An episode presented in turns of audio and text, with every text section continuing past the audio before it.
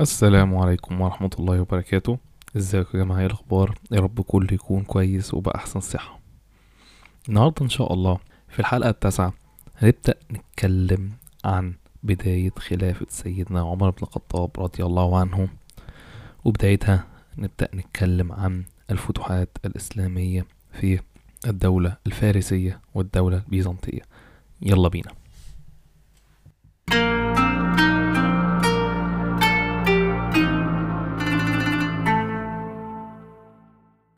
ومع انتهاء حروب الردة سنة 11 هجرية وبعد ما شبه الجزيرة العربية خلاص استقرت وكله القبائل رجعت الإسلام وتحت حكم سيدنا أبو بكر رضي الله عنه بدأ سيدنا أبو بكر الصديق يجهز جيش عشان يقدر يبدأ بيه الفتوحات الإسلامية في منطقتين. أول منطقة الدولة الفارسية ناحية ناحية العراق والكويت وقطر حاليا وناحية الدولة البيزنطية ناحية سوريا والشام. ودول الدولة الفارسية والدولة البيزنطية دول كان أقوى قوتين في العالم ساعتها. زي دلوقتي لو هنتكلم هنتكلم وزماننا هذا هنتكلم عن أمريكا. وساعتها الدولة الفارسية والبيزنطية كانوا متحكمين تقريبا في معظم البلاد في العالم. فساعتها سيدنا أبو بكر الصديق رضي الله عنه جهز جيش بقيادة سيف الله. سيدنا خالد بن الوليد للعراق وكذا جيش تاني للشام. وبعت الجيوش دي في نفس السنة للعراق وفي الشام زي ما قلت. جيش سيدنا خالد بن الوليد رضي الله عنه قدر يفتح العراق كلها في سنة واحدة بس من غير أي هزيمة. وده كان نجاح باهر ضد قوة الدولة الفارسية من اللي هي كانت أول أو تاني أكبر قوة في العالم ساعتها.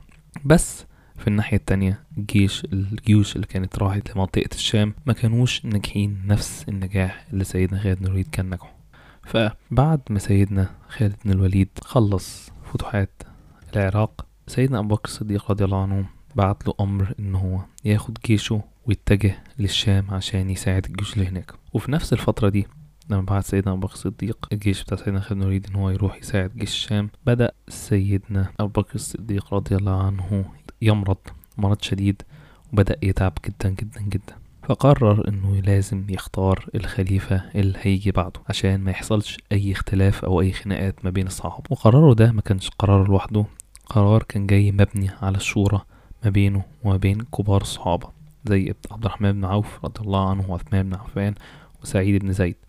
رضي الله عنهم جميعا. ومجموعة تانية كبيرة من المهاجرين والأنصار. وساعتها سيدنا أبو بكر الصديق رضي الله عنه رشح لهم سيدنا عمر بن الخطاب. وكل أهل الشورى ساعتها وافقوا على الاقتراح ده. بس كان في كذا حد ساعتها كانوا خايفين من سيدنا عمر بن الخطاب رضي الله عنه كخليفة عشان عارفين قد إيه سيدنا عمر بن الخطاب كان شديد جدا. بس. في الآخر كله انشرح صدره لسيدنا عمر بن الخطاب رضي الله عنه. بعد ما سيدنا أبو بكر الصديق اتأكد إن خلاص كل أهل الشورى موافقين على قرار تعيين سيدنا عمر بن الخطاب رضي الله عنه كالخليفة قادم اجتمع بالمهاجرين والأنصار كلهم في مسجد وقال لهم الخبر وقال لهم من خلاص سيدنا عمر بن الخطاب رضي الله عنه هو اللي هيستخلف أمر الدولة الإسلامية بعده. واليوم اللي بعدها على طول توفى سيدنا أبو بكر الصديق رضي الله عنه خليفة المسلمين بعد سنتين من توليه المنصب. وكان في مقتنيات سيدنا أبو الصديق رضي الله عنه بعد موته اللي هو كان ساعتها خليفة المسلمين كان ما عندوش إلا بقرة كبيرة بس وحتى لما مات عياله ما ورثوش أي حاجة منه. ويوم وفاة سيدنا أبو بكر الصديق رضي الله عنه بدأ الناس يروحوا على المسجد عشان يدوله البيعة يدوا سيدنا عمر الخطاب البيعة خلاص عشان سيدنا عمر الخطاب الخليفة الجديد. وبعد ما خلاص كل أهل المسلمين إدوا أو بايعوا سيدنا عمر الخطاب رضي الله عنه. وده كان ساعتها جه في وقت وصول سيدنا خالد بن الوليد بجيشه من العراق إلى الشام عشان يساعد بقية الجيش هناك. وبفور وصول سيدنا خالد بن الوليد للشام بدأت هناك معركة يعتبرها كثير من المؤرخين كمن أهم المعارك اللي شكلت التاريخ بتاع المسلمين وشكلت التاريخ بتاع الشام والدولة العربية. نظرا لأهمية المعركة دي. ودي معركة اليرموك اللي كانت ما بين المسلمين والدولة البيزنطية. معركة اليرموك دي كانت سنة 13 هجرية ودي كانت أقوى وأكبر محاولة من هرقليز ملك الدولة البيزنطية كرد الهجوم بتاع المسلمين في منطقة الشام اللي هي تكون من سوريا فلسطين ولبنان والأردن حاليا. قبل المعركة اليرموك دي كان المسلمين كسبوا معركتين مهمين جدا ضد الدولة البيزنطية. فهرقليز ملك الدولة البيزنطية حس إن هو لازم يجمع كل قوته ويهجم هجوم واحد كبير على المسلمين عشان يطردهم بره الشام. وفي معركة اليرموك هرقليز بعت جيش مكون من 150 ألف مقاتل عشان يدافع عن الشام ويحميها من المسلمين. والمسلمين ساعتها كان جيشهم ما يتعداش أربعين ألف مقاتل. يعني مش عايز أقول أكتر من إن الجيش بتاع الدولة البيزنطية كان أكتر تلات أضعاف من جيش المسلمين. ومن هنا بدأت معركة اليرموك المعركة اللي شكلت مصير العالم الإسلامي والعالم كله. وكان اللي يترأس الجيش ده ساعتها أو كان اللي كان قائد بتاع جيش المسلمين ساعتها كان سيدنا خالد بن الوليد. وساعتها سيدنا خالد بن الوليد استدعى كل الجنود اللي كانوا في الشام عشان قلت كان في كذا جيش موجود هناك. فأول قرار خده إن هو يجمع كل الجيوش دي تحت جيش واحد. وإنهم لازم ينضموا للمعركة دي عشان دي هتكون معركة مصيرية ضد الجيش البيزنطي. وبالفعل بدأت المعركة. وقف الجيشين قدام بعض وبدأ هجوم الروم على المسلمين هجوم قوي جدا. ومعظم برضه عشان معظم معركة اليرموك المسلمين كانوا في حالة دفاع مستمر. نظرا إن كان في فرق عدد كبير جدا. فكان معظم وقت الدولة البيزنطية أو الجيش البيزنطي كان بيهاجم والمسلمين كانوا بيدافعوا. نظرا للعدد كبير جدا بتاع الدولة البيزنطية وأول أربع أيام بالفعل مشيت كده الروم قاعدين بيهاجموا هجوم قوي جدا على المسلمين والمسلمين قاعدين بيدافعوا. وكان معظم الوقت سيدنا خالد بن الوليد كان بيقود زي كتيبة صغيرة كده. مهمتها إن هي كل شوية أي جزء من الجيش بيقع من جيش المسلمين الكتيبة دي بسرعة شديدة تروح تساعده. وحاجة كمان كنا اتكلمنا عليها قبل كده إن من مميزات جيش المسلمين إنه جيش كان خفيف جدا. وكان بيتحرك بشكل سريع جدا وكانوا أقوياء جدا على الحصنة والجمال. وعشان برضو حاجة كمان هم كانوش بيلبسوا دروع كبيرة زي الجيش البيزنطي كان بيلبسها. المسلمين على طول كانوا خفاف ما كانوش بيلبسوا كل الدروع اللي الجيش الجيش التاني كان بيلبسوها. فكان أفضلية عند المسلمين إنهم كانوا على طول يقدروا يتحركوا أسرع منهم أكتر بكتير. وخلال أربع أيام مفيش أي حاجة اتغيرت غير إن كان الخسائر في الجيش الروماني كانت أكتر بكتير من جيش المسلمين ولدرجة إن الجيش الروماني كان عرض على سيدنا خالد بن الوليد إن هم يعملوا هدنة شوية. بس سيدنا خالد بن الوليد رضي الله عنه رفض وقال لهم مقولة مشهورة جدا نحن مستعجلون لإنهاء عملنا هذا. هما إيه إحنا مستعجلين عايزين نخلصكم بسرعة. وبعد خامس يوم سيدنا خالد بن الوليد خلاص فهم إن عزيمة الروم خلاص بقت في الأرض ما بقتش زي في الأول. فحول استراتيجية الجيش كلها من دفاع زي أول أربع أيام لهجوم شديد. وساعتها سيدنا خالد الوليد جاب مجموعة من أقوى وأسرع فرسان عنده اللي هي المجموعة كان اللي هو كان بيلف بيها على كل مناطق الجيش ويساندهم. وقرر إن هو بالمجموعة دي إنه يهاجم فرسان الروم أو يهاجم إحصانية الروم بس. عشان برضو في الحروب زمان إن كان الإحصنة أو فرسان كانوا مهمين جدا في أي جيش عشان دول كانوا بيحموا المشاة الناس اللي هم مش راكبين على حاجة.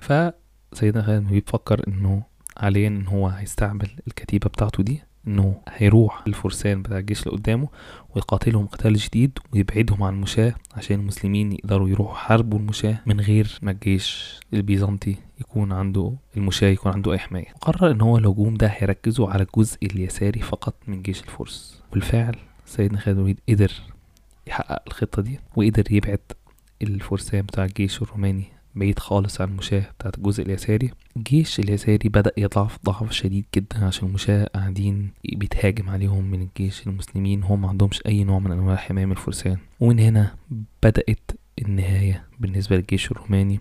واستغل المسلمين التراجع ده اللي هم بدأوا يتراجعوه. وبدأوا يهجموا من كل الجوانب.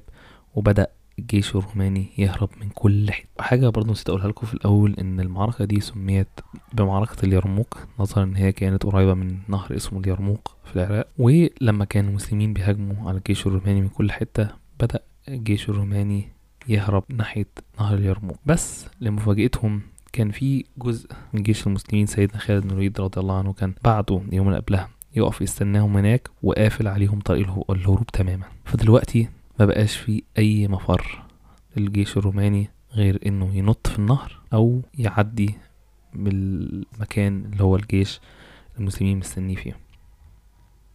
عشان النهر النهر ده كان زي فوق هضبة كبيرة. وساعتها الجيش الروماني بدأ يا كان بيروح ناحية جيش المسلمين فيهزم ويموت أو يقع من فوق الهضبة ناحية نهر اليرموك. وبرضه يا كان بينجوا بأعجوبة عشان كانت هضبة طويلة أو كانوا بيموتوا. ومن الناس اللي كانت قدرت تهرب من الجيش الروماني كان القائد بتاعهم وكان ساعتها هرب لناحية دمشق اللي كانت عاصمة سوريا ساعتها. بس سيدنا خالد بن الوليد قدر يلحقوا ولو فعلا لحقوا وقتلوا وبعد قتل هامان اللي هو كان قائد الجيش البيزنطي فتح سيدنا خالد بن الوليد دمشق وبفتح دمشق في سوريا قدروا يفتحوا الشام على إيد سيدنا خالد بن الوليد. وبقت بلاد الشام كسوريا بدأت خلاص بقت بلد مسلمة. وساعتها هرقليس كان إمبراطور الدولة الرومانية البيزنطية ساعتها وهو كان بيهرب عشان يسيب الشام عشان خلاص بقت تحت المسلمين قال الوداع وداعا أخيرا يا سوريا يا محافظة الجميلة أنت ضرة العدو الكافر الآن فلتنعمي بسلام يا سوريا أي أرض جميلة ستكونين له. وإن هي كانت الشام ساعتها أو سوريا بالأخص كانت من أكتر الحتت المتقدمة ومن أكتر الحتت المتعمرة في العالم ساعتها. بس عشان تعرفوا قد إيه كانت الشام وسوريا كانوا مهمين جدا جدا للإمبراطورية البيزنطية ومن هنا ده كان أول طريق الفتوحات الإسلامية الكبيرة في المنطقة دي. ومن المرة الجاية إن شاء الله هنتكلم عن فتح مصر بلدنا والقدس.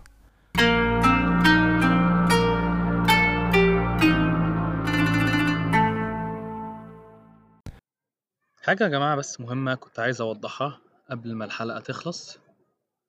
إن في الحلقة اللي فاتت كان في بس حاجتين عايز أوضحهم.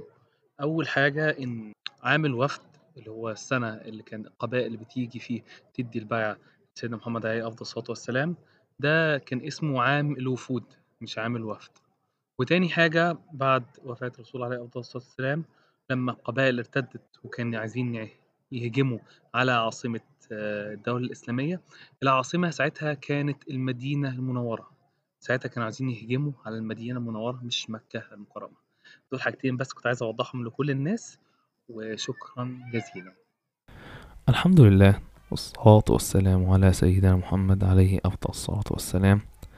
يا رب يا جماعة الحلقة تكون عجبتكم وزي ما قلت من الحلقة الجاية إن شاء الله هنبدأ نتكلم عن فتح القدس وفتح مصر. وزي كل مرة لو أي حد عنده أي أسئلة استفسارات أو نصايح ياريت تبعتولي على انستجرام حكاوي إسلامية اسم البروفايل أو Islamic Stories Podcast شكرا جميعا ليكم. إن شاء الله أشوفكم الأسبوع الجاي.